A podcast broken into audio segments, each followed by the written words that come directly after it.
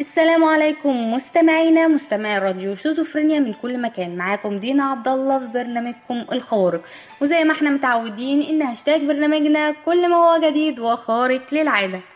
وطبعا الحلقة دي آه، هتكلم عن تجميد الأجنة. طبعا أنا اتكلمت عن التجميد قبل كده. لو انت متابعني هتعرف إن أنا اتكلمت أكيد عن التجميد قبل كده. وبس باختلاف. أنا اتكلمت قبل كده كانت حلقة عن التجميد بس بعد ما بيموت أو الشخص بعد ما بيتوفى بيتم تجميده لأجل غير مسمى لحد ما الطب يقدر آه، يكتشف طريقة يقدر يحيي بيها ويعالج الأمراض المزمنة اللي بيعانها منه أو يخليه يعيش أكتر آه، أو يعالج العجز اللي عنده حتى لو مات. يعني لو مات عنده اتكلمت برضو عن طفلة كانت ميتة بالسرطان واتكلمت عن طبعا آه، اللي هي قامة المركز ده واللي جوزها مات وهو يعني اتكلمت عنها فأنا مش هحرقه أكيد مش هحكيه في في الحلقة دي. هتكلم بقى ابتدي إن أنا أتكلم عن تجميد الأجنة. هتقولي تجميد الأجنة أقول لك فعلا آه، طبعا هي القفزة دي كانت من بدري هي قفزة علمية رهيبة ابتدت تط- تطبيقها في 2019 بس فعليا ابتدى إنها يحصل عملية تجميد الأجنة دي في التسعينات. كان عام 1992 في بداية التسعينات كده ابتدى ابتدت إن إحنا إن هم يعملوا بره التجارب دي. وطبعا نجحت في 2019 هتقولي يعني إيه تجميد الأجنة؟ هقول لك إن إحنا بنبتدي نجيب بويضة مخصبة وحيوان منوي. بنبتدي لا بويضة عادية وحيوان منوي. بنبتدي إن إحنا نخصب البويضة دي بالحيوان المنوي. وبعد كده بنروح جايين طبعا حافظينها بنحفظ الجنين ده اللي أصبح دلوقتي جنين بويضة مخصبة فأصبح جنين. بنبتدي إن إحنا نحفظه في سائل النيتروجين في درجة حرارة بتصل تحت الصفر يعني سالب 196 تحت الصفر. وطبعا دي بتبقى حفظ الجنين. طبعا هبتدي إن أنا أكون أكبر مثال على كده أو هبتدي بقى القصة اللي أدى اللي هو التجميد الأجنة نفعت فيها ونجحت. طبعا هتكلم عن بداية التجميد كانت أول حالة أو أول آه، يعني من أمثلة التجميد اللي نجحت. كان أول تجميد كان في 14 أكتوبر عام 1992 وطبعا آه، كان متبرع به لمختبر المركز الوطني للتبرع بالأجنة وده كان في بريطانيا. ابتدت آه، طبعا واحدة ابتدت أو ال- واحدة ابتدت كانت بتعاني كانت اسمها تينا وج- وزوجها اللي هو أو جوزها وين جيبسون. كانوا بيعانوا من العقم لمدة خمس سنين. وطبعا آه، لجأوا لفكرة تبني الأجنة. وراحت جاية تينا متبنية مولي اللي هي إيه، كان متبرعين بيها طبعا أبوها ولا يعني باباها ومامتها متبرعين بيها من 14 أكتوبر عام 1992 طبعا كانوا متبرعين بيها وابتدت إن هي ادخلتها داخل رحمها.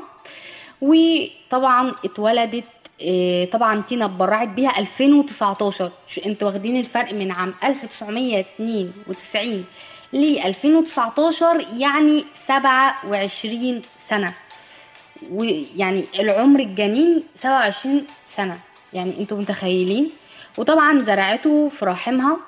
وأنجبتها 2020 طبعا إيه، طبعا الحكومة البريطانية كانت سامحة بتجميد الأجنة لمدة 27 سنة بس بس بالعكس هي أمدت المدة دي وخلتها 55 سنة.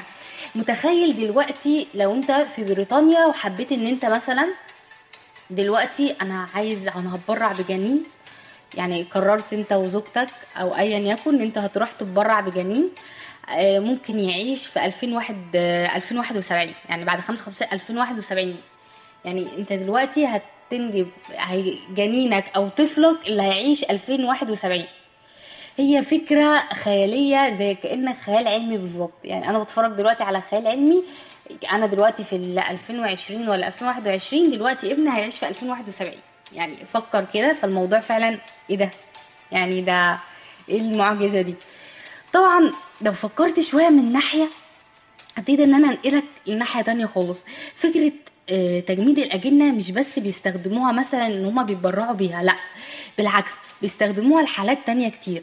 يعني أولها حالات اجتماعية. يعني أنا دلوقتي مش هقدر أنجب بس ممكن أكبر في السن وممكن يحصل حالات طبعا البويضات عندي ما تنشطش ال- الحيوانات المنوية عند الرجل أو حاجة تحصل عنده فيحصل خلل. فيبتدي إنه دلوقتي لأ إحنا هنأجل الخلفة ونبتدي إن إحنا نبتدي إن إحنا نخصب بويضة ونجمدها مثلا لخمس سنين. فإحنا- فإحنا إيه هزرعها بعد خمس سنين في رحمي تمام؟ دي طريقة. تاني استخدام ليها إن هما ممكن يستخدموا مثلا سوري ممكن يستخدموا اللي هو دلوقتي آه، عندي طبعا بتبقى طرق علاجية الطريقة دي إن هو بيعاني من نقص مثلا الحيوانات المنوية أو هي بتعاني من نقص البويضات.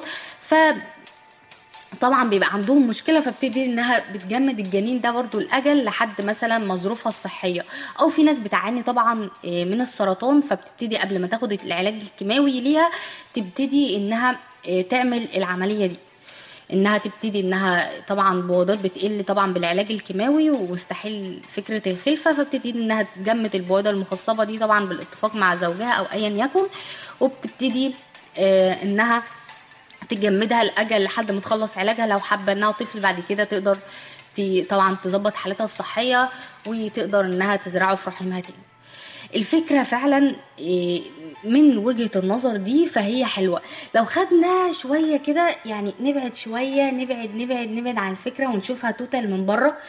ففكره تبني الجنين طب ما ممكن يحصل وارد يحصل أي مختبرات أو إحنا طبعا وارد يحصل إيه أي أي يعني التجربة تفشل أو مش التجربة تفشل. وارد يحصل إن هنتلخبط في البويضات ده وارد برضو يحصل. ده بيحصل حتى لو واحد في المية فممكن يحصل. ده جانب. لو بعدنا شوية هنلاقي إن مع تطور الزمن هيحصل النسل هيبتدي إن إحنا مش هنعرف ده ابن مين وده ابن مين وده ابن علان فالموضوع إن إن النسل أو اللي هو ده ابني وده هيبتدي ان هيحصل تشوش فيه. يعني لو كمان بصينا كمان خمسين سنة فهيبتدي إن هو النسل ده ابني أو ده مش ابني أو أو هيبتدي يحصل خلل فيه كبير جدا. غير طبعا الناس اللي بتتبنى. فهيبتدي إن ده هيعيش في زمن غير الزمن وهو فكرة خيال علمي. بس فعلا ليها سلبيات كتير جدا. وأكيد طبعا عشان نتحمل المميزات دي لازم نتحمل السلبيات دي. ودي كانت نهاية حلقتنا. وكانت معاكم دينا عبد الله في برنامجكم الخارق دمتم في رعاية الله وحفظه. وبعد ما ختمت الحلقة نسيت طبعا أقول أهم سلبية وهي إن في أجنة ما بينفعوش حالتهم الصحية مع التجميد فبيبتدوا يعملوا عليهم تجارب علمية. وطبعا ده ضد حقوق الإنسان فأكيد كلنا بنتعارض مع الموضوع ده وبكده أقدر أقول سلام.